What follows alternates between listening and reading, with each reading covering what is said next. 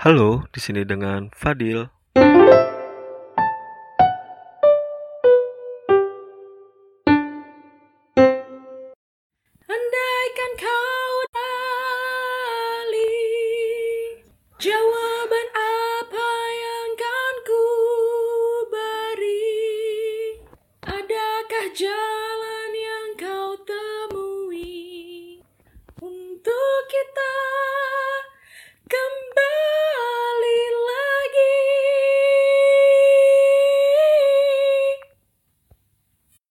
Yeay!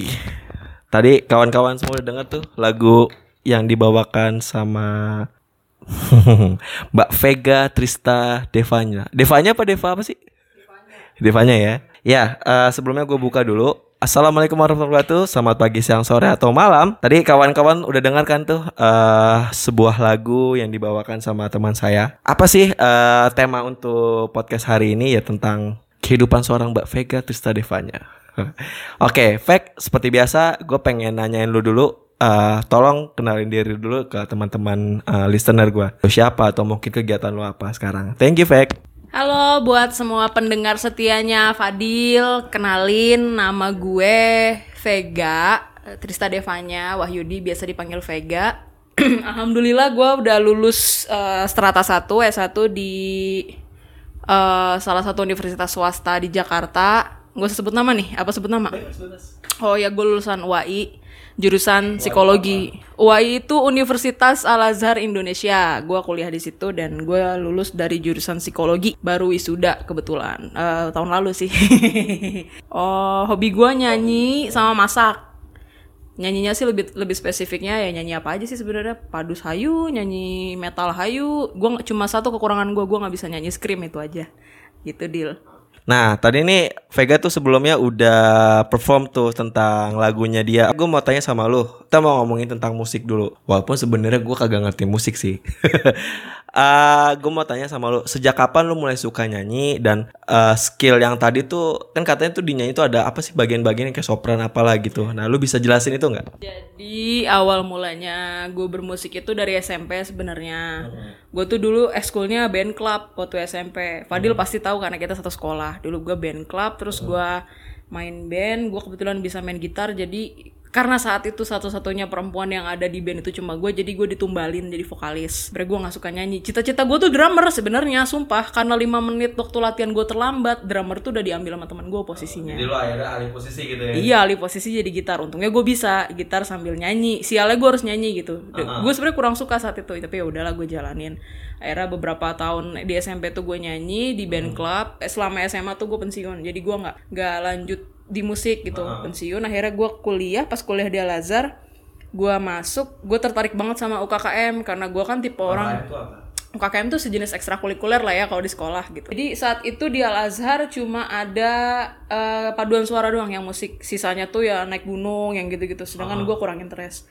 Nah di sini entah kenapa gue tuh sempet dilema teman-teman gue pada masuk UKM saman kan, pada nari saman tuh. Gue mikir aja kayak buset kalau gue nari saman bubar kagak ya gitu kan, gak enak akhirnya cuma cuma pilihannya cuma dua waktu itu gue cuma cuma uh, bingung di dua pilihan itu antara paduan suara atau di saman akhirnya gue putusin gue misah dari teman-teman gue gue masuk paduan suara nah gue tuh masuk paduan suara itu dari semester 1 dari semester 1 sampai alhamdulillah sampai sekarang gue masih dipercaya Dan, uh, sorry. Itu lu tahu uh, ada UKM itu dari perkenalan mos gitu kali ya? Apa gimana? Iya kurang lebihnya tuh pas mosnya itu pas osmanya istilahnya osma Apa sih? Osma. Eh, ospek ya kalau secara umum orang bilangnya ospek di cuma itu osma. Osma, Osma WAI. Eh, iya. Apalah itu namanya. Pokoknya perkenalan waktu itu terus gue langsung tertarik gitu. Ih, kok keren gitu. Apa nama UKM-nya? Nama UKM-nya itu Raskasielo Squire, disingkat Rasko. Rasko. Oke. Kita sebutnya Rasko. Jadi gue di Rasko tuh udah dari 2014. Dari gue tuh audisi tanggal 27 September 2014, hari Sabtu. Gue masih inget banget. Dan yang menarik itu lagu lagu audisi lo tadi kan yang lu tampilin. Iya betul. Jadi betul banget. Jadi sumpah ini ada ada cerita sih di balik lagu ini. Jadi jadi gue tuh waktu itu gue kan searching dulu. Maksudnya gue juga saat itu pengetahuan gue terhadap paduan suara masih nol banget. Gue belum tahu tuh ibaratnya ada pecahan suara apa, pecahan suara apa. Yang gue tahu pokoknya paduan suara tuh terkenal dengan seriosa. Oke. serioso kan huh yang gitu banget. Terus gue searching searching sop ada akhirnya gue belajar oh ada sopran ada alto ada tenor ada bass. Di situ gue nyari gue tuh agak agak-agak emang gue pelajarin dulu lah intinya karena gue ngincer satu posisi gue pengennya jadi sopran aja. Karena kalau di alto tuh menurut gue agak susah gue kayaknya nggak bakal mampu. Bukan nggak mampu tapi kayak gue belajarnya akan lebih susah gitu. Karena di alto tuh selain kalau di alto yang gue tahu ya butuh effort dan butuh otaknya tuh harus kerja banget. Kalau gue tuh gue ngerasa gue nggak mampu aja gitu. Terus akhirnya gue pilih lagu yang karakternya tuh emang suara karakter suara penyanyinya tuh tinggi. Akhirnya gue putuskan untuk milih lagunya Ruth Sahanaya itu. Itu kan lagunya sebenarnya itu lagu lama gue lupa penyanyi aslinya siapa cuma dinyanyikan ulang oleh Ruth Sahanaya. Terus akhirnya ya udah gue latihan di kamar mandi tiap mandi. Terus kalau lagi BAB juga kadang gue latihan aja gitu. Sampai BAB-nya juga keluar nada itu. eh yang enggak juga. Serem banget dong gila loh Oke, terus terus. Terus ya akhirnya pas audisi itu gue nyanyiin lagu itu, gue kebetulan nomor urut satu tuh waktu itu kan pertama kali banget tuh ditumbalin ya. Udah akhirnya gue nyanyi lagu itu, gue ya nyanyi ya biasa aja terus dites nadanya. Tahu-tahu pelatih gue tuh nulis nulis nulis gitu.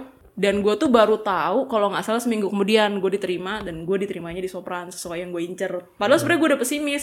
Kayaknya gue di alto, Denny soalnya suara gue rendah Heeh. tapi ternyata alhamdulillah gue di sopran gitu sesuai yang gue mau lah gue nggak di sini gue nggak bilang sopran lebih baik dari alto ya enggak cuma gue tahu kapasitas gue segimana gitu karena kalau alto tuh gue selalu salut sama orang dengan suara alto sama penyanyi penyanyi alto tuh gue salut mereka tuh selain pakai power pakai otak juga nah kekurangan gue otak gue kadang kurang bekerja dengan baik gitu jadi gue cuma punya power aja makanya gue di sopran aja deh gitu Tuh. Nah, tadi kan lu tadi bilang tuh apa alto, sopran, apalagi tuh ya yang lu bilang lah.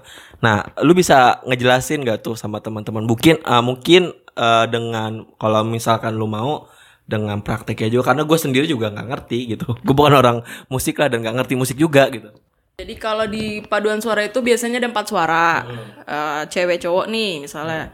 Kalau cowok itu ada dua jenis, ada bass, ada tenor. Bass itu buat suara rendah, suara cewek. cowok cowok. Ah, cowok, sorry. Ini cowok. Jadi kita bicara cowok dulu ya. Cowok itu suaranya ada dua, ada bass sama tenor. Kalau bass itu buat suara rendah, kalau tenor buat suara tinggi cowok. Kalau di cewek ada dua, ada alto, ada sopran. Kalau alto itu buat suara rendah cewek, kalau sopran buat suara tinggi cewek gitu.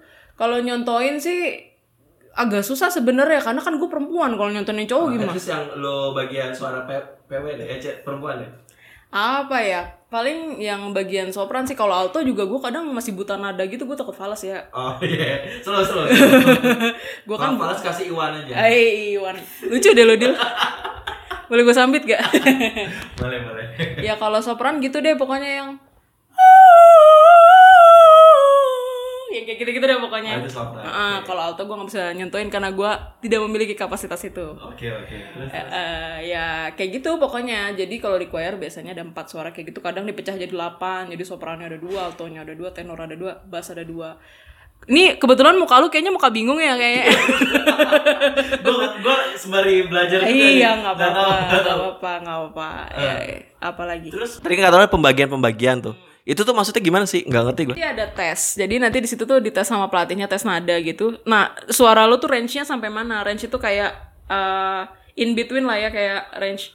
Ngerti, gak maksudnya? Iya, kalau bisa- nggak nyampe range semuanya, berarti emang suara lu jelek aja berarti. Enggak, pada dasarnya semua orang itu bisa nyanyi. Oh gitu. Semua orang itu bisa nyanyi, cuma tergantung mau didengerin atau enggak sama orang lain. bukan Oh, didengerin sih itu nilai nanti ya. Yang Iya. penting nomor satu niatnya dia kalau mau belajar dari dari yang defton, defton itu buta nada Oh, istilahnya. Bukan ada. Misalnya dari yang buta nada dilatih pun bisa kok sebagus bagus gitu maksudnya bisa. Semua tuh ada prosesnya aja gitu. Oh. Jadi nggak maksudnya nggak nggak serta merta, ih gue nggak bisa nyanyi. Semua orang bisa nyanyi gue yakin asal kemauannya dia dalam belajar dan berlatih mau apa tidak gitu. Nah, sekarang yang mau gua tanya, apa sih yang gue denger-denger nih kalau lagi nonton-nonton apa audisi-audisi gitu tuh yang di TV-TV. Nah, itu katanya kan harus kalau penyanyi itu harus jaga suara. Nah, lu ngelakuin treatment itu gak sih? Kalau gue biasanya pelatih gue ya terutama selalu menekankan minum air putih yang banyak dan air putihnya jangan yang dingin ya air putih ya. sendiri ya. Iya punya sendiri apalagi lagi covid kayak gini masa mau minta sih lu mau nularin lu. Kalau di choir gua, tapi di semua choir pasti gue bilangnya padus aja ya. Padus ya. Kalau di padus itu pasti coachnya pelatihnya tuh bakal nyaranin banyakin minum ya. Minumnya air biasa, air put air mineral biasa aja jangan. Raki. Oh, air Rocky mau meninggal dong. Gimana sih? Ah. Terus kalau pelatih gue sih paling nyaraninnya kayak eh, banyakin minum air putih yang suhu ruang jangan yang dingin, kurang-kurangin es, boba-bobaan, Starbucks Starbuckan sama micin-micinan dikurangin. Karena eh, biasanya kalau yang kebanyakan micin itu agak lemot gitu ya otaknya jadi misalnya pelatihnya ngomong apa dia kayak kurang Hah? kalau di gitu. kalau iya kalau di padus gue ada yang kayak gitu abis makan mie ayam aja mie ayam kan pakai micin ya dijelasin sama pelatih gue tetap aja salah lagi salah lagi terus pelatih gue ngomong kamu pasti abis makan micin iya kak ya jadi kayak eh, yang gorengan yang pedas-pedas yang dingin-dingin itu dikurangin bahkan tapi sebenarnya ya biasanya setiap penyanyi itu punya apa ya istilahnya ritualnya masing-masing Hmm. Kalau lu gimana? Kalau gue pribadi biasanya nih kalau udah deket-deket konser dua minggu sebelum konser gue akan ngurangin ngurangin yang dingin-dingin yang pedes-pedes yang goreng-gorengan tuh gue bakal kurangin. Dan biasanya hamin tiga perform eh, itu gue shisha. Jadi eh, sugestif sebenarnya. Oh, sisa shisha shisha Shisha Ah, beneran. ah, shisha yang hookah apa rokok Arab itu. Ah. ya sebenarnya nggak bisa dibenarkan cara gue nih bener atau salah nggak bisa sebenarnya. Itu gue bilang ritual masing-masing penyanyi beda-beda. Ada yang memang dengan dia dia ngerokok ngerokoknya yang rokok inilah rokok berat gue nggak paham. Ada yang harus tidurnya 12 jam beda-beda tiap orang tradisinya tuh. Ibaratnya ritualnya beda-beda. Kalau ritual teman gue ada yang dia itu harus nggak kayang juga punten. Dia harus tidur dari jam 7 malam tuh dia tidur besok paginya baru bangun. Jadi dia memang harus menjaga tidurnya banget supaya suaranya aman. Ada yang nggak ada yang ngurangin bicara banget. Dua tiga hari sebelum per- perform tuh dia nggak nggak banyak ngomong nggak banyak ketawa. Jadi diem aja dikira orang mah lagi sedih padahal mah emang lagi jaga suara. Padahal mah juga sedih ya. bisa jadi. Kalau gue sih ya itu ritual gue sebelum perform itu hamin tiga biasanya gue shisha tidak sekali lagi gue gue terangin di sini itu tidak dibenarkan Eh, maksud gue gue nggak membenarkan tapi itu ritual gue setiap orang bisa beda dan gue nggak menganggap apa yang gue lakukan itu benar sebenarnya gitu Nah, iya tadi gue sempet di ada di otak gua pas lu ngomong kan apa tentang nggak boleh minum, apa minumnya harus dijaga harus putih gitu. Nah, soalnya tadi gue mau nanya, kayak gua ngeliat cover-cover di YouTube gitu kan ada tuh kayak apa yang gua tahu. Oh, lu tau Deden Gonjales gitu gak sih? Ada sih jadi kayak dia cover gitu yang yang apa sih yang Iya. Tapi di YouTube cover itu, itu di di dan lagunya dia itu di banyak di apa sih bahasanya ditonton lagi lah sama orang-orang bule gitu juga. Nah tapi yang gue bingung dia itu sambil ngerokok loh dengan suara yang wah gila sih. Bo, itu suara cowok masalahnya gitu. Itu gimana menurut lo rusak atau enggak sih? Dan kenapa bisa kayak gitu loh? Sebenarnya balik lagi ke ini yang gue bilang tadi setiap orang punya ritualnya masing-masing. Kan banyak yang bilang merokok bisa membunuhmu. Ada yang kayak gitu. Cuma kan bagi sebagian orang ada yang memandang dari sisi lainnya. Sekali lagi gue tidak membenarkan. Sekali lagi nih ya. Karena setiap orang itu punya ritualnya masing-masing. Mungkin ritualnya si penyanyi itu adalah harus dengan ngerokok. Temen gue pun ada kok yang harus ngerokok. Misalnya berapa batang dulu baru eh, apa namanya kayak apa baru bisa fokus gitu loh. Oh, oke. Bacot ini. Sorry ya itu terus Netizen biasa. ya biasa netizen nih. Jadi eh, apa namanya gue nggak membenarkan tapi memang kembali lagi kepada habit masing-masing. Oke. Eh, mungkin ada yang harus ngerokok ada yang harus tidurnya lama atau ada yang kayak gue yang aneh nih harus sisya dulu harus apa. Sugestif aja sebenarnya. Gitu. Gue tidak membenarkan sekali lagi intinya inti dari apa yang gue maksud ini adalah semua orang punya ritualnya masing-masing dan itu pasti dianggap benar menurut dirinya sendiri tapi belum tentu menurut orang itu benar gitu Oh jadi itu sebenarnya kayak nggak ada apa ya pakemnya gimana ya? Oke. Nah eh masih ngebicarain tentang sedikit bermusik nih. Kan lu juga seorang performance lah. Gua bisa bilang begitu. Lu biasanya kalau kayak gitu butuh berapa lama sampai atau butuh berapa panggung sampai ngebuat lu settle dengan apa perform lu gitu? Atau malah dari awal udah settle gitu? Gue itu mulai berani ya kasarnya berani itu ya setelah konser pertama gue sih. Kalau konser pertama namanya gue anak baru, Apa konser apa? konser nama konsernya La Voz de la Noche.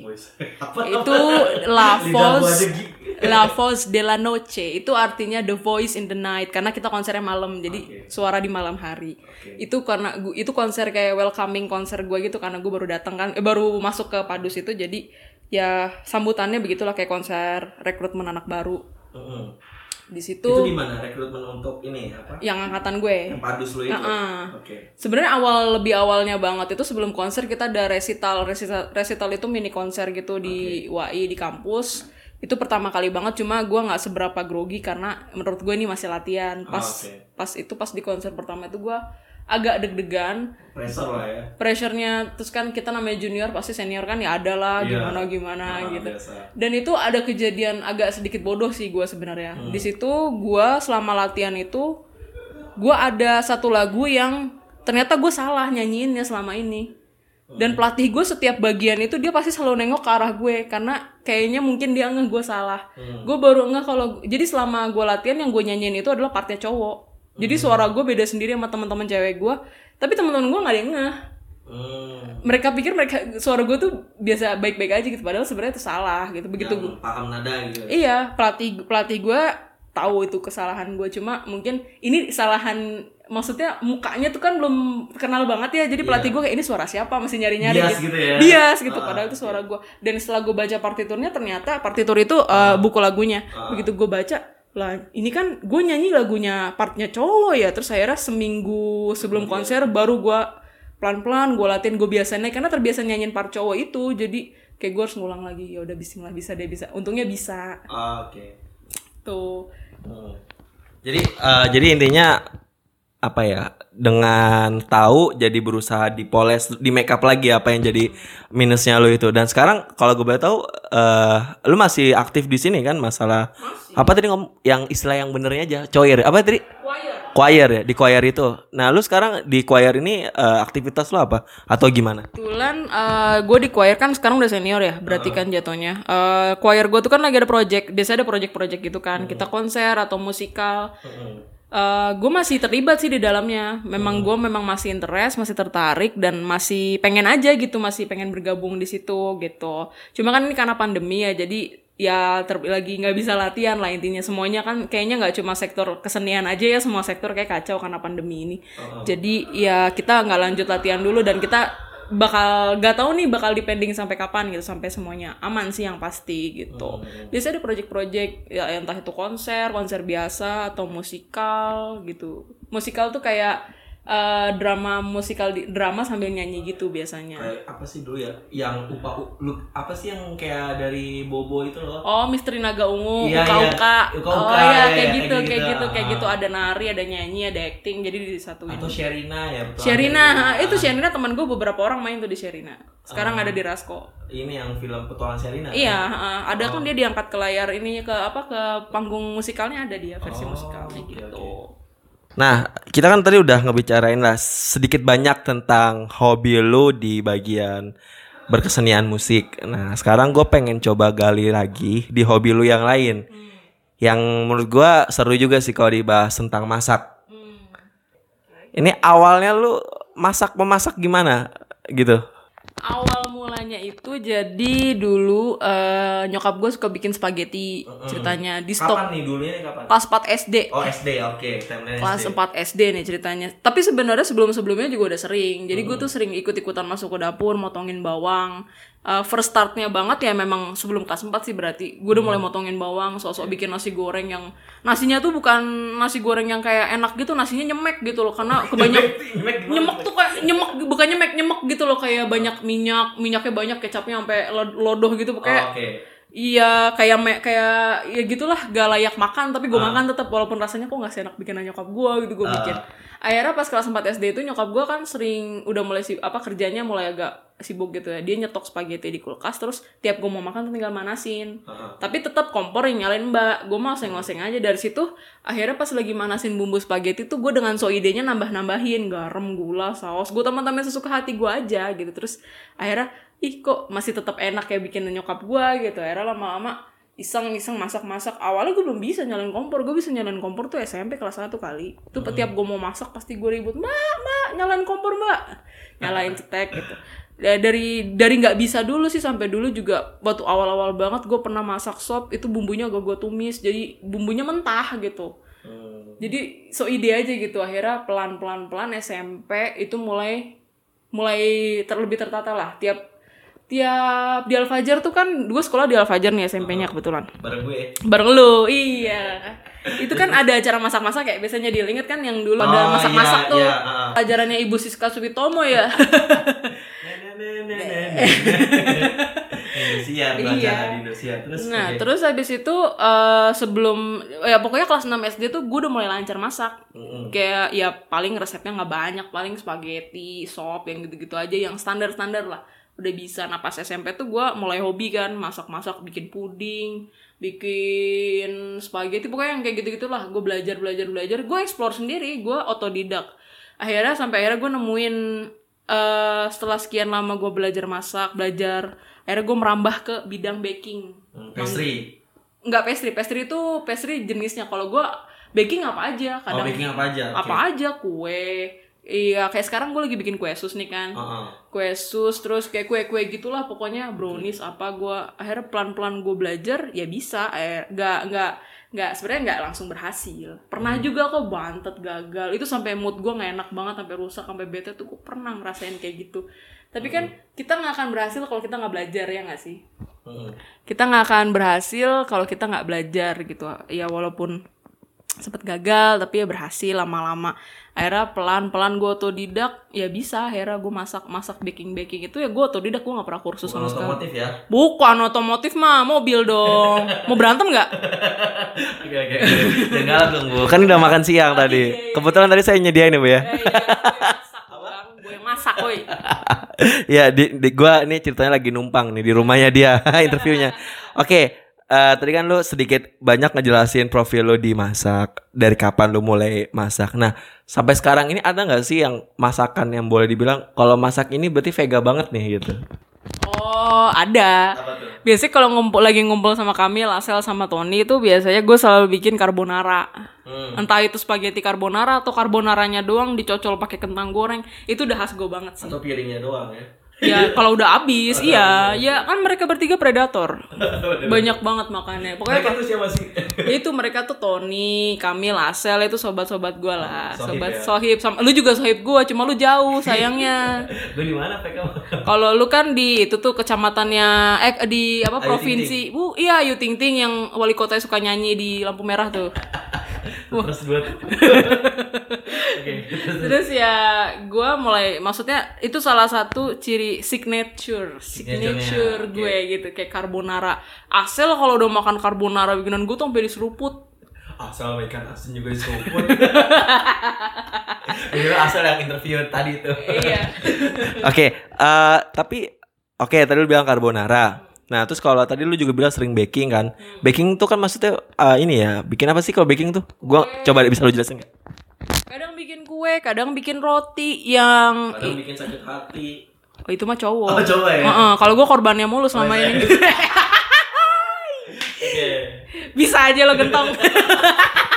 Jangan di-cut please. Nah, gentle. ya terus gue biasanya bikin ini apa eh, roti-rotian, donat, terus eh, brownies, kue ulang tahun pun kadang gue tuh ya kalau gue ulang tahun gue tuh berharap disurprisein. Ya sama- entah sama keluarga sama teman. Ini mah gue ulang tahun gue bikin kue sendiri, beneran. Nasib lu tukang kue. Iya, nasib- kue maksudnya. Nasib tukang kue begitu ulang tahun boro-boro disurprisein, surprisein diri sendiri gue ya beli bahannya sendiri ke pasar naik motor, ntar ngolah sendiri masak, dibikin begini, dihias begini. Ya udah gue gue bikin sendiri ngerayain sendiri. Ya suka gitu emang gue mah. Kasihan banget. Ya, jadi itu ya apa ampasnya kalau orang yang bisa masak gitu ya. Iya. Disuruh-suruh bikin mulu, udah lu aja bikin dah sampai lu ulang tahun lu sendiri aja gitu kan. nah, fake tapi lu ini gak sih apa? Oh iya, kan lu sama gua, gua lu gua sama siapa asal Tony ya? Eh, Tony ya? Arifal. Enggak, yang masalah ngaj sempat bikin cookies tuh. Oh iya iya. Tadinya gua sempet nyaris, cuman ya karena satu dan lain hal akhirnya eh, nggak bisa dilanjut nih. Jadi kemampuan Vega di bidang memasak dengan eh, kebetulan ada channel dari gue untuk bisa masarin itu, tapi ternyata ada satu dan lain hal lah belum bisa gitu. Nah tapi gue mau ngomongin gak jauh dari nih ke depannya nih dari lu sendiri tentang masak memasak ini lu pengen ngebawa level lu di masak ini sejauh mana atau ya lu mau bikin usahanya atau mungkin ya udahlah buat asik-asikan di rumah gimana tuh Pek? Kalau gue mah let it flow aja ya. Ibaratnya kan kalau kayak sekarang nih kita lagi pandemi kayak gini, gue kan tetap nyari nyari pekerjaan gue tetap.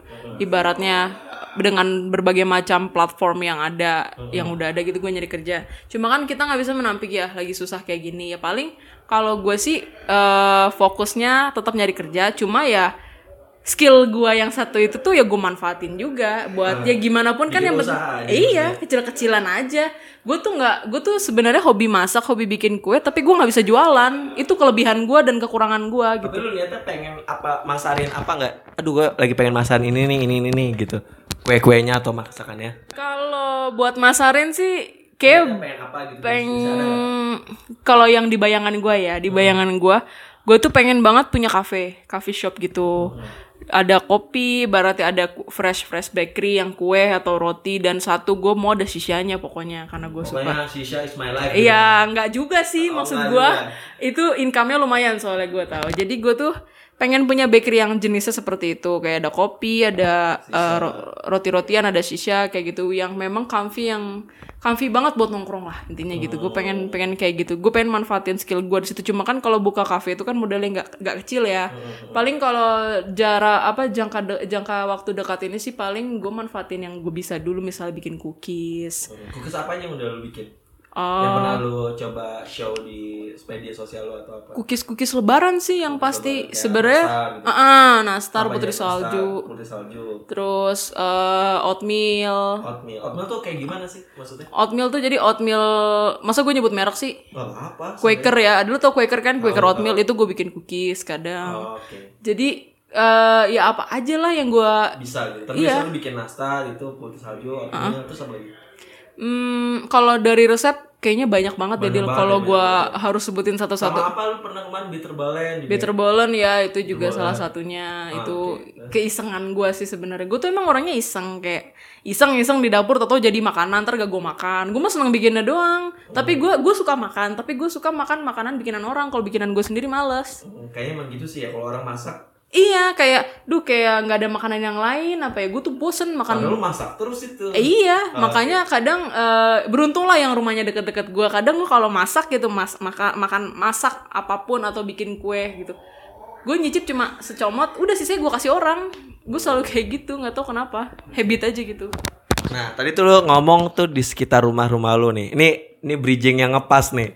Tadi gue juga ngomong sekitar-sekitar rumah sama nyokap lu sebentar tentang eh, rumah lu yang kebanjiran di tahun ini yang banjir paling parah ya. Nah, waktu itu gimana sih kejadiannya kan katanya banjir di eh, rumah lu yang sekarang ini banjir paling parah kan?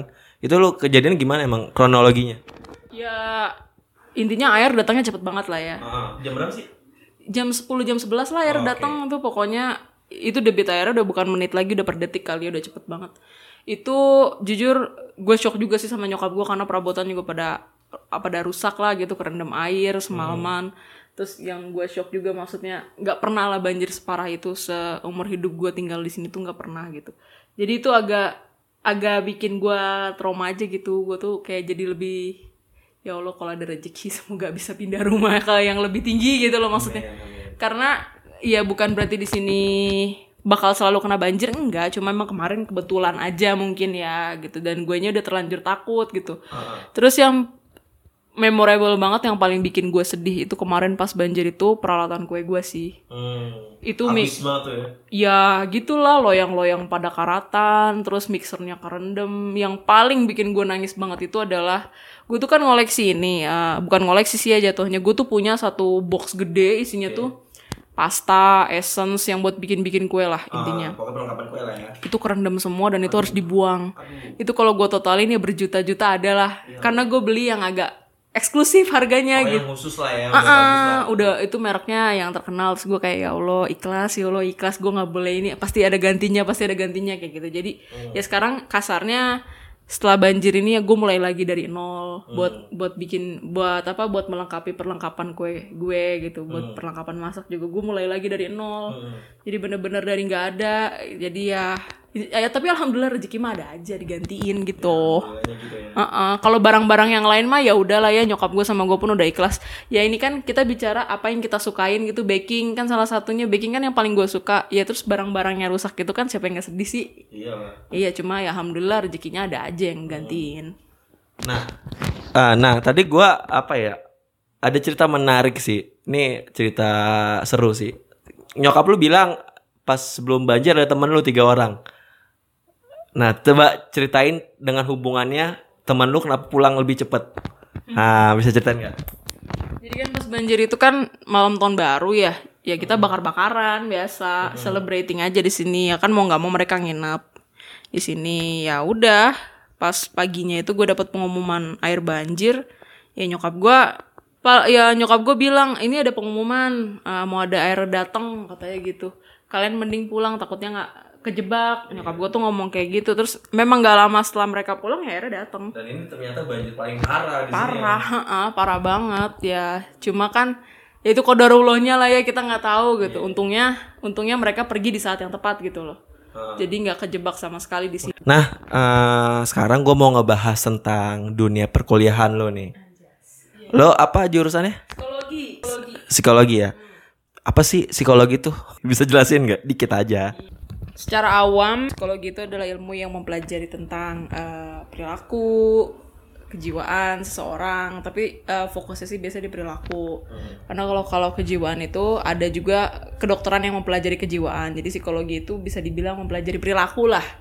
Perilaku yang baik perilaku yang buruk. Terus kita belajar juga tentang terapi terapinya misalkan ada perilaku yang buruk harus dirubah itu ada terapi terapinya jadi kita belajar seputar perilaku manusia Core-nya eh, core dari psikologi itu perilaku lah ya kalau kita mau gampang.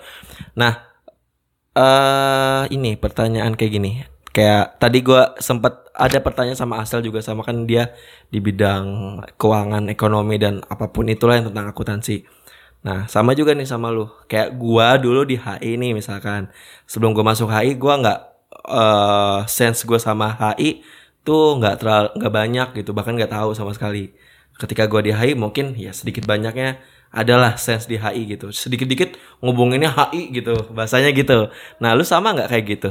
pasti sama ya apalagi kalau gua kan kalau gua kan ibaratnya setiap manusia punya perilaku dong. Gue pasti kayak misalnya ada apa ih secara psikologi gini nih otak gua sih. Itu di otak sekedar di otak gua doang gua nggak ngomong. Karena gua nggak mau nanti dianggap ih sotoy banget lo gitu kan. Jadi salah ada yang perilaku yang agak menyimpang atau apa perilaku apa pun yang maksudnya yang menarik di pikiran gue tuh kadang kayak gue hubung-hubungin sama psikologi oh berat jangan-jangan dia jangan-jangan eh, ini orang ini kali ya apa namanya bermasalah di bagian ini masa lalunya atau gimana. Itu judgement sih sebenarnya dan itu nggak boleh. Tapi gue kan manusia biasa ya tapi kan yang penting nggak gue utarain gitu. Kadang di pikiran gue juga mikir ini orang kenapa sih ini orang kenapa sih? Tapi itu hanya sekitar di sekitaran kepala gue aja nggak gue keluarin nggak gue ungkapin. Jadi cukup ya stay di kepala gue aja biar gue dan diri gue aja yang tahu gitu loh. Emang apa sih kalau masuk psikologi itu biasanya anak-anak sekolah itu ujung-ujungnya ke mana sih? Kalau memang nature-nya gitu setelah lulus. bidangnya itu banyak. Ada yang dia masuk psikologi di bagian eh, HR biasanya perusahaan. Itu biasanya dia ngambilnya psikologi industri. Ada yang eh, lanjut ke profesi itu jadi jadi psikolog psikolog itu S2 ya BTW bukan S1 jadi S1 itu cuma bisa jadi maksimal jadi asisten psikologi asisten psikolog atau jadi HRD lah itu kalau mau jadi psikolog beneran ya yang profesi itu harus S2 dan itu harus disumpah dulu sih setahu gua jadi ya biasanya sektornya luas sebenarnya. Ibaratnya selagi ada manusia, selagi ada perilaku, perilaku itu pasti dimiliki manusia toh. Selagi masih ada manusia, pasti di situ ada psikologi. Gitu. Iya, soalnya ya kayak gue gue mikirnya oh orang yang lulusan psikologi pasti psikolog gitu. Ternyata gue baru tahu dari lo nih apa psikolog kalau mau ambil psikolog itu harus la- lanjut kuliah lagi gitu ya. Oke, nah, fact kita malah belum ngomongin masa kecil kita nih di di Al Fajar nih kan. Gue pengen ngomongin tentang sama sih nggak jauh beda nih sama Mas Asel yang udah sempat gua wawancara tentang osis. Dulu kita pernah ini kan, eh nggak usah ini dulu, gue mau nanya dulu deh. Awal mulanya lu masuk osis tuh kenapa gitu? Awal mulanya itu karena emang pada dasarnya gue tuh gak bisa diem gitu. Jadi ibaratnya ya fisik gue nggak bisa diem, otak gue apalagi otak gue tuh mikir mulu kerjaannya. Kayak gue tuh kalau bisa tuh gue sibuk lah gitu loh, jangan sampai gue nganggur gitu. Kalau gue nganggur tuh gue malah gak enak badan, badan gue pada pegel, kepala gue pusing. Jadi gue tuh harus sibuk gitu loh. Akhirnya gue masuk osis, gue inget banget eh, divisi pertama gue, divisi apa departemen sih waktu itu? Depa eh, ya gitu lah pokoknya divisi kalau nggak salah inget gue. Divisi pertama yang gue masukin waktu osis SMP Al Fajar itu adalah divisi keamanan. Gue inget banget tuh masih Okta. Gue lupa koornya siapa tapi. Terus eh, dari situ eh, tahun pertama itu gue masih jadi divisi keamanan, tahun kedua kan kita bersaing deal. Nah, itu yang mau gue tanya tadi tuh. Kita bersaing deal. Lu gue kandidat nomor Bersaing buat satu dulu? bersaing buat jadi ketua osis. Nah, jadi kandidatnya tuh guys ada tiga nih. Waktu itu ada Padil, Padil nomor urut satu, Gue. Hansen nomor urut dua, gua nomor urut tiga. Nomor urut ya. Nomor urut itu ya, nomor urut uh, waktu pemilihannya. Gue sebenarnya nggak nyangka juga lah, kok jadi gue yang dicalonin, dicalonin apa ditumbalin ya bahasanya ya. Terus akhirnya ya kita ngadain pemilu, udah tuh sekolahan. Sebenarnya gue uh, agak kaget juga sih lah kenapa gitu. Bapak gue tuh semangat banget begitu gue tau gue mau dicalonin jadi ketua osis. Kamu harusnya jadi emansipasi wanita bla bla bla ya gitulah bapak gue dengan sege- segenap ambisinya. Gue sih nyantai aja kepilih ya udah, kagak kepilih juga nggak apa-apa. Semua teman gue intinya, semua tetap temenan gitu. Kita bersaing, bersaing juga enggak sih deal. Gue ngerasa nggak bersaing soalnya kayak ya udahlah gitu. Yang penting gue di osis gitu. Kita kita masih berteman dan baik-baik aja dan memang Fadil yang menang juara satu waktu itu jadi ketuanya. Ketua osisnya tuh Fadil, wakilnya Hansen. Nah karena suara gue waktu itu paling rendah, suara pemi- pemilihan suaranya gue hasilnya paling rendah. Gue jadi apa sih BPH juga, cuma gue bendahara, benda badan pengurus harian itu intinya. Jadi ya dia yang sehari-hari berhubungan sama ketua lah. Gue jadi bendahara waktu itu, bendahara satu, gue megang duit tuh akhirnya ya udah, gue mau oke oke aja. Jadi lanjut lagi cuy. itu harus oke. Iya, oke oke oke siap siap siap. Ya gitu pokoknya. Dan itu ke bawah sih maksudnya pas pas SMA gue kebetulan kan gue pasif banget waktu SMA ya. Jadi gue tuh SMA di ah, sebuah sebuah, sebuah ya? sekolah swasta gue gak nyebut namanya makanya maksudnya gue di SMA itu gue agak pasif gue nggak ikut organisasi gue nggak ikut MPK gue nggak ikut osis cuma ikut eskul doang waktu SMA tuh eskul airsoft gun tembak-tembakan Oh, oh airsoft tuh. eh seru nembakin nembak-nembak gitu Ah, terus kuliah beranjak kuliah gue lanjut ikut di KMF keluarga mahasiswa fakultas Oke. kebetulan di, di kampus gua nggak ada bem ya jadi eh jatuhnya tuh gak ada bem jadi bem universitas tuh nggak ada. Semua organisasi itu biasanya di bawah fakultas dan di bawah prodi jadi nggak ada yang keseluruhan Oke. nggak ada saat gua masa gua nggak ada gue pertama kali masuk itu di KMF keluarga mahasiswa fakultas di situ gue jadi wakil koor departemen kesenian dan olahraga lagi-lagi seni karena gua nggak bisa jauh-jauh dari seni Oke.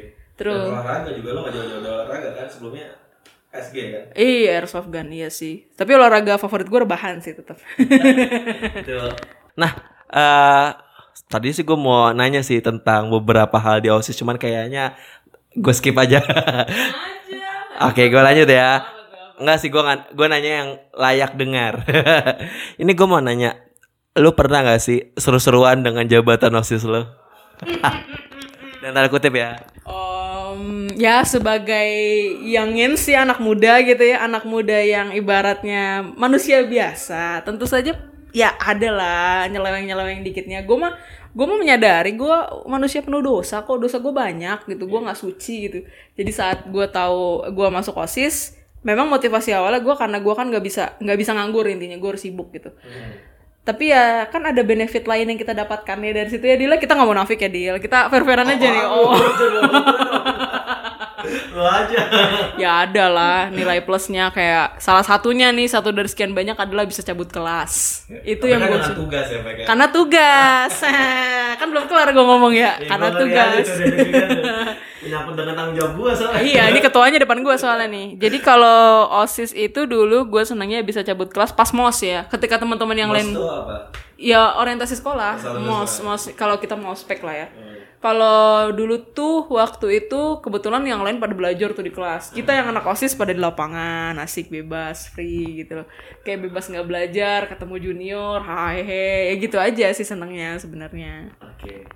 Nah, apa setelah lu punya pengalaman di OSIS itu kayaknya mah kalau SMP sih nggak terlalu banyak ya apa responsibility yang didapat dari situ ya. Nah, gue pengen lanjut lagi eh, tentang tadi lo di SMA sempat ikut airsoft gun ya. Itu tuh sebenarnya kalau lu mau kalau kita mau paham airsoft gun tuh apa dan sebenarnya toolsnya tuh apa aja sih kalau mau biar ikut airsoft gun gitu? yang satu sekarang sebenarnya airsoft gun airsoft gun itu adalah salah satu eh, sejenis ini ya kayak eh, simulasi ya jatuhnya simulasi skirmish atau simulasi perang dalam tanda kutip dengan menggunakan mainan mainan replika yang perbandingannya satu banding satu dengan yang aslinya gitu. Gua kita kita haram banget nyebut senjata nggak boleh. Jadi kita bilangnya unit. Oh, unit. unit gak boleh bilang senjata karena senjata itu adalah yang beneran dan itu bisa mematikan. Kalau airsoft tidak mematikan Oh, Artinya apa sih? Kalibernya apa yang bikin beda? Gue nggak ngerti. kalau di airsoft itu FPS Ah, FPS itu apa tuh?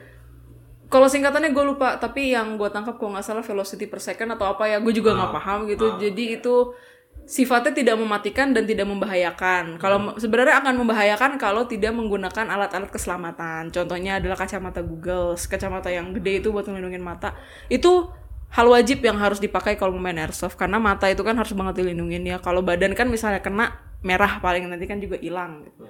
Jadi kita meminimalisir bahaya itu dengan menggunakan eh, motonya itu safety first. Jadi keselamatan itu nomor satu. Oke. Gitu. Nah di airsoft gun itu tuh apa sih biasanya senjata-senjata atau alat-alatnya itu tuh didapatnya dari mana gitu? Aduh perut gue bunyi-bunyi lagi nih kenapa nih? Lapar itu biasanya. Enggak udah kan Oh, itu airsoft itu ya biasanya ada forum FJB-nya, forum jual belinya ya di dulu zaman dulu di Kaskus seringnya. Oh, Kaskus, kaskus, ah, di Kaskus mungkin kalau sekarang gue udah karena gue udah pasif ya gue udah nggak lama banget gamen jadi gue nggak ngikutin perkembangannya tapi dulu di FJB FJB Kaskus tuh banyak FJB banget itu, uh, forum jual beli, forum jual beli. Ah, banyak gitu. Dan kadang sesama airsofter juga eh gue bosen nih unit orang yang mainnya ya? yang mainnya heeh. eh gue bosen nih main sama unit yang ini gue jual ke lu nih. Misalnya tuker tambah atau apa itu biasanya transaksinya kayak gitu beli beli unitnya beli beli gearnya istilahnya. Perlengkapannya sih kayak gitu. Itu itu mainan karena mainan ya. Jadi kita maksudnya kadang ada orang yang salah kaprah dan menjal- menyalahgunakan itu yang gue nggak suka kadang ya ini kan mainan sampai kapan pun ini mainan gitu nggak akan jadi nggak akan nggak akan nggak akan membahayakan kalau diikuti prosedurnya gitu loh Nah, gue penasaran sih main airsoft gun tuh gue seumur hidup cuman sekali doang untuk main airsoft gun. Itu kayak main kayak kita ngebagi tim gitu ya. Terus kayak ngerebutin bendera atau apa gitu gue lupa. Sebenarnya tuh ada berapa variasi sih di main airsoft gun itu dan peraturannya tuh gimana aja? Wah, variasi mah tergantung skenario-nya ya banyak. ada khusus gimana? Nggak ada, banyak banyak banget paling paling misalnya mainnya main ini. Jenis namanya apa aja? Yang lu yang Eh, paling ya skirmish biasa, ada yang skirmish, ada yang skirmish itu kayak ya itu simulasinya, simulasi perangnya itu jadi kayak kita di dalam hutan atau misalnya di mana. Paling yang membedakan itu adalah lokasi. Misalnya kalau di hut- di hutan ya kita mainnya woodland atau apa. Woodland itu dalam sebenarnya sama aja, cuma beda yang membedakan itu adalah lokasi. Lokasi dan skenario-nya. Skenario itu yang paling membedakan. Misalnya ada di beberapa mi- ada di beberapa skenario tuh misalnya yaitu yang kalau bilang ngerebut bendera ada, ada yang nyelamatin hostage juga ada, ada yang nyelamatin bahan pangan ada. Gitu. Jadi banyak uh, skenario-nya yang nggak bisa gua sebutin satu-satu di sini karena banyak. Jadi permainan itu tergantung skenario-nya kayak gimana. Begitu. Lu favorit lu biasanya apa? Kalau lagi main airsoft gun tuh. Sama apa sih? Ada yang gua tahu tuh kayaknya ada unit. Jadi satu airsofter tuh punya kebiasaan sendiri tuh spesialisnya me- megang apa megang apa. Nah, lu apa tuh? Kalau gua kebetulan eh, memang punya unitnya dia ada di kamar tuh. Spesialisnya apa? Apa namanya sniper ya? Apa, apa sih gitu-gitu? Oh, kalau gue bukan sniper, gue assault, gue assault assaulter biasa. Kalau sniper itu kan memang yang panjang ya unitnya. Kalau gue punyanya kebetulan M4A1 karbin. Kalau di CS itu senjatanya CT, Maverick. Kalau di CS itu Maverick. Gue suka banget M4 dan jadi gue belinya M4 saat itu. Dan gue maksudnya gue masih gue secure sampai sekarang insya Allah nggak akan gue ke mana-manain. Nggak nggak nggak nggak akan gue salah gunain juga sih. Ya buat apa kan? Gue cewek masa mau bobo gituan petantang petenteng dikira mau nagih hutang kali. Beda gak sih eh, airsoft apa senjata di airsoft gun sama apa sih yang peluru angin yang dikokang gitu loh? oh beda banget deal beda banget. Jauh jauh beda banget. Kalau yang di kokang itu kan angin ya senapan angin ya setahu gue gue kurang paham juga sih. Yang jelas kalau airsoft itu mainan. Airsoft itu main gue tekanin mainan. Ini takutnya ada yang salah kaprah nih. Airsoft itu mainan pokoknya. Mainan yang di mainan yang dimainkan sesuai dengan prosedurnya dan menggunakan dan selalu mengutamakan safety. Itu intinya. Dulu kan kita waktu kecil tuh gua, lo waktu zaman zaman aja kan ada tuh pelor yang peluru kecil tuh yang tembakan pistol. Sama unit di airsoft gun tuh boleh dibilang airsoft gun juga gak sih? Itu apa beda? Eh, gua nggak ngerti tuh.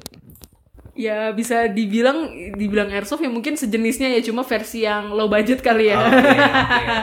Versi peluru abang-abang gocengan gitu ya. Ah, ah. ya gue tahu itu. Maksudnya Tapi itu bisa dibilang itu juga? Bisa cuma ya tidak memenuhi standar buat main gitu. karena itu kan kayaknya kenceng banget ya kalau kena ya Sakit sih. sakit kan dan biasanya bocah-bocah kalau main kan gak pakai gak mengutamakan safety Oh, barbar. barbar makanya jadi itu bisa dibilang mungkin itu salah satu jenis airsoft tapi itu kurang direkomendasiin sih karena bahaya kalau nggak safety Oh gitu. Jadi eh karena beda ininya aja apa hmm, apa sih ya? Ini ingredientsnya lah ya. ya. di komponen Komponen nah ya komponen tuh. ingredients lo kata makanan gue lupa pokoknya kayak kayak ya. Udah kenyang bos. Oke, gue mau nanya lagi nih sama lo. Lo kan eh apa sepanjang hidup lo sekarang udah banyak perkembangan nih dalam hidup lo. Lo udah banyak lakuin banyak hal lah. Kayak lo tadi ngelakuin hobi masak, bermusik, bahkan sampai airsoft gun dan berorganisasi juga kayak gitu kan. Sekarang ini dalam hidup lo eh, hal-hal seperti itu bersumbang sih apa sih atau memberikan arti apa dalam hidup lo gitu. Dalam kehidupan lo yang sekarang ya. Di sekitar usia 25an something. udah empat 24 something sorry. Banyak sih sebenarnya ya kalau dibilang apa aja. Yang jelas gua dari segala hal yang terjadi dalam kehidupan gua gue belajar uh, membaca karakter orang. Dalam artian membaca kayak gue membaca aja ya bukan gue tafsirin oh si ini anu orangnya begini. Enggak gue kayak gitu. Cukup gue aja yang tahu. Intinya gue lebih lebih mawas diri juga lebih mem- bisa mempelajari karakter orang misalnya nih orang kayak gimana nih orang kayak gimana. Dan gue berusaha banget untuk eh, hati-hati dalam mengambil keputusan. Terkadang eh, kita kalau ngambil keputusan itu kan diiringi oleh hal-hal yang ya dipengaruhi hal-hal yang tidak mengenakan atau apa. Gue belajar banyak dari maksudnya dari organisasi, dari lintang kehidupan gue selama ini tuh gue belajar seperti itu. Jadi ya intinya sih belajar lebih hati-hati. Satu hati-hati ya. Dua ya mudah-mudahan gue bisa lebih bijak. Ya walaupun memang gue menyadari kok kadang moody ya perempuan tuh moody gue tuh moody hitungannya kadang bisa berubah juga apalagi kalau deket-deket waktunya si bulan datang itu nah jadi ya intinya sih gue selama ini meng, apa ya me- me- menyebutnya itu sebagai ya mau sendiri aja gitu lebih bisa mau sendiri. Syukur-syukur gue bisa apa ya bisa lebih eh bersyukur misalnya. Gue juga ya itu salah satunya gue bersyukur itu salah satu dari eh, dampak baik yang gue dapetin selama lama- lintang kehidupan gue selama ini. Ya kayak misalnya gue ketemu banyak orang ketemu ya kayak gue magang-magang waktu masih kuliah itu kan gue ketemu orang ya ada yang maaf ya sakit secara mental ada yang permasalahan hidupnya pelik banget. Ya di situ gue senantiasa bersyukur ternyata eh, apa namanya Allah tuh sebenarnya walaupun hidup gue juga nggak lurus-lurus amat Allah itu masih sayang sama gue gitu. Dan Allah tuh sayang sama semua orang hanya ujiannya aja yang beda-beda gitu loh. Jadi gue gue belajar banyak banget setelah setelah gue lulus sih. Gue tarik ke belakang gitu gue belajar banyak. Ya dari kasus-kasus seperti itulah kasus-kasus psikologi ya kebanyakan. Ya gue belajar untuk mengerti gue belajar untuk sabar. Kadang sabar itu susah jujur aja. Yang membatasi sabar itu kan biasanya nafsu ya. Sedangkan ba- sabar sendiri tuh nggak ada batasnya sebenarnya. Tapi nafsu kita yang membatasi gitu.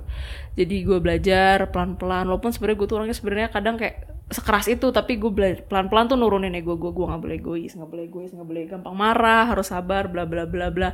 Jadi ya tiga poin lah. Mawas diri. Mawas diri. Terus gue harus bisa lebih bijak dan bersyukur. Yes. Ya itu Jadi, tiga poin eh, teman-teman semua mawas diri bijak dan bersyukur dari seorang Vega Devanya. Balik. Ah gimana gimana? Aduh gue tadi gue tadi gue tadi mau keren udah nggak keren tuh. Vega Trista Devanya W ya. oke eh gue mau nanya lagi. Kalau gue sebut kata Vega itu sama dengan apa pertanyaan yang banyak menggali kan? Arti nama gue sendiri itu ini gue bicara artinya ya? Oke bebas bebas konteks Vega itu eh, secara yang gue baca sih di Google Vega itu artinya bintang jatuh. Bintang jatuh itu gue mendefinisikannya sebagai harapan. Oke. Gue tuh gue menganggap diri gue itu adalah sebuah harapan. Amin. Harapan orang tua gue mungkin harapan keluarga gua harapan teman-teman gua dan siapa pun yang menyayangi gua gitu. Jadi gue selalu berharap eh, kehadiran gue itu merupakan sebuah harapan yang baik untuk semua orang. Nama gue tuh sebenarnya nama panjang gue tuh artinya gue juga nggak nyangka sih. Gue boleh nggak share arti nama gue di sini? Boleh banget. boleh kan? gue tuh iseng kan namanya cewek kan. Gue kadang suka googling googling gitulah. Gue tuh searching. Nama gue tuh Vega itu artinya ternyata bintang jatuh. Gue artikan harapan. Trista itu artinya satria. Percaya nggak? Terus tak kesatria dari Trista itu eh, sebenarnya bentuk feminim dari Tristan. Oh, oke. bentuk perempuan dari Tristan. Tristan itu artinya kesatria. Dari bahasa mana sih? gue lupa kalau bahasa. Kalau Tristan tuh eh, ro- eh, Pokoknya Eropa sana. Eropa Eropa sana dah. Gue juga lupa kalau Vega tuh bahasa Arab sih yang gue tahu waktu itu. Di Google ya. Ini ini sumbernya dari Google ya guys. terus nama gue yang ketiga itu kan suku kata ketiga Devanya. Deva Deva sama Anya itu kalau dipisah itu artinya Deva itu artinya dewa Oh, Deva. Oke, oke. Anya itu artinya agung yang ditinggikan jadi kayak nyokap gue juga accidentally sebenarnya nggak sengaja ngasih gue nama kayak gitu sih jadi ya gue berharap arti nama gue itu ya gue berharap karakter gue sesuai dengan arti nama gue gue harus sekuat gue harus sekuat kesatria gue harus jadi seseorang yang agung kayak dewa itu. Dan gue juga harus bisa jadi harapan buat semua orang buat jadi buat jadi harapan orang tua gue lah terutama. Dan diri gue sendiri gitu. Jika dipahami dalam rangka, satu rangkaian kata menjadi? Ya sebuah harapan. Sebuah harapan. sebuah harapan yang kuat, Yang kuat. selayaknya seorang satria. Oke. dan yang tinggi dan diagungkan seperti dewa. Oke. gitulah ya kurang lebih. Berat sih ini, tapi insya Allah lah. Ada jalan, ada usaha, ada doa, semua akan terkolerasi gitu kan. Kok gue jadi bijak ya, Yung? Habis makan soalnya di rumah Vega. Oke, eh ke depannya agenda lu apa? Ada nggak yang bisa lu share? Iya kalau udah ada jodoh mah gue mau nikah Ah, ah, udah ada jodoh gue mau nikah ya mau punya anak kalau udah ada jodoh gitu ya paling gitu Iya bereproduksi iya bener nggak salah itu bener ya maksudnya ya basic lah kayak perempuan-perempuan pada umumnya pengen pengen ini pengen ibaratnya pengen berumah tangga pengen segera menikah kalau gue mah yang mana duluan aja lah Amin. insya Allah Amin. ya barangkali ternyata tahu-tahu jodoh gue ada di salah satu friend list lu kan Dil gue nggak tahu Dil Amin, amin. Gue aminin aja. ini gue ancam soalnya kalau nggak diamin ini guys Oke, eh untuk kata-kata penutup ya dalam pembicaraan kita kali ini yang anjir udah satu jam mau satu jam ngobrol sama lo. Cuman sempat di tengah-tengah ini anak nge-pause deal bentar gue mau boker. Baru kali ini gue nginterview orang. Pause-nya mau boker oke? Itulah eh, seorang Vega seorang Vega. Nah eh, balik lagi dengan apa yang udah gue omongin sebelumnya tentang kata-kata apa yang mau lu sampaikan di akhir podcast ini yang bisa mungkin memberikan makna yang positif atau memberikan vibe uh, positif vibe untuk kawan-kawan pendengar gitu. Dan siapa tahu juga bisa bermanfaat buat lu sendiri juga gitu kan? Oke. Em, ini khusus mungkin ya, nggak khusus sih tapi ya gener in general aja. In general mungkin ketika ada ketika lo yang lagi dengerin podcast ini terus eh, suasana hati lo sedang tidak enak atau mungkin lo ngerasa hidup lo terlalu berat, ujian hidup lo terlalu ujian hidup lo terlalu parah sampai mungkin lo ngerasa kayaknya lo nggak sanggup. Ingat satu hal. Ingat satu hal, Tuhan tidak akan menguji lo melebihi kapasitas lo. Gue selalu percaya itu. Jadi ketika lo dipilih, di, ketika lo punya hidup yang berat, ketika lo diuji dengan ujian yang berat, itu tandanya lo sekuat baja, mungkin lebih kuat dari baja. Pokoknya be strong always. Selalu selalu harus selalu kuat apa pun yang terjadi, apa pun yang apa namanya. Lo boleh nangis, lo boleh sedih, tapi jangan berlarut-larut. Karena semua ini nggak akan selesai hanya dengan air mata. Semua itu harus dihadapin, dilewatin dan eh dilawan. Dilawan di dilawan lah ya istilahnya dilawan dengan apa? Dengan segenap kesabaran, kemawas dirian lo dan kedewasaan lo yang pasti. Jadi intinya pesan gua apa pun yang terjadi, hadapi, jangan takut dan jangan menyerah. Be strong. Seorang quotes dari Vega Teguh. oh bukan ya? Ah iya, lu mau nge-share nggak medsos lu? Boleh ya, boleh banget. Tadi yang eh, saya wawancara sebelumnya agak sombong itu orang. Tapi nggak apa-apa gue share di IG story gue. Oke, boleh share, eh, fake di share IG lu? Apa story apa medsos lu?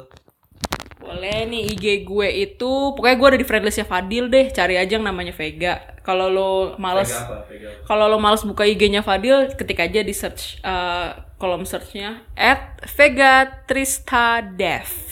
Tristanya Oh gue aja ya, gue aja ya.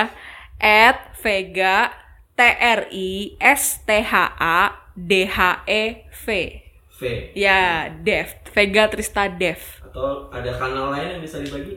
Eh YouTube gue nggak aktif sih. Facebook, Facebook ya nama gue aja. Ada di friendlistnya Fadil, pokoknya cari aja. Kalau lu nggak mau ribet, emang ya kalau lu mau berteman juga sih sama gue, gue mau orangnya open open aja. Bukan open ini kan? Bukan. gue mah maksud gue open dalam artian gue mah terbuka berteman dengan siapa saja. Iya, maksudnya begitu. Iya. Emang open apa? Ya open order lo kata open order kue. Sae lo karung goni. Aduh, gue mau ngebahas lagi udah males lagi di rumah dia lagi kan. Oke, eh, sebelumnya gue ngucapin terima kasih buat lu Fek udah mau bantu gue ngisi konten podcast di episode keberapa lah ntar kalau udah gue edit lah. Oke, gue juga lupa episode berapa. Nah, dan gue juga eh mau minta maaf nih takut-takutnya ada salah-salah kata, salah-salah pertanyaan sama lu gitu. Ada yang mau ini? Apa? Mau sampai lagi nggak? Udah? Udah. ya, oke. Dan eh, itu aja. Sama terakhir gue juga mau pesan sama kawan-kawan semua. Ya entah di saat gue upload ini, mudah-mudahan, mudah-mudahan pandeminya udah beres. Tapi kalau misalnya pandeminya belum beres, kita semua sama-sama jaga kesehatan terus, sama-sama eh positive thinking lah buat hidup kita. Seperti yang Vega udah bilang tadi. Apa tuh? Yang tiga poin tadi tuh, Fat? Mau sendiri, Mau sendiri, bijak, bijak, ikhlas. Ya bersyukur, bersyukur. Mau sendiri, bijak dan bersyukur. Semoga itu bisa menjadi eh, refleksi untuk diri kita sendiri ke depannya. Thank you semua eh, yang udah ngedengerin. Makasih yang udah ngedengerin. Gue juga mau makasih buat eh, eh, apa bintang tamu gue hari ini. Iya, thank you, thank you, thank you. Assalamualaikum warahmatullahi wabarakatuh. Waalaikumsalam.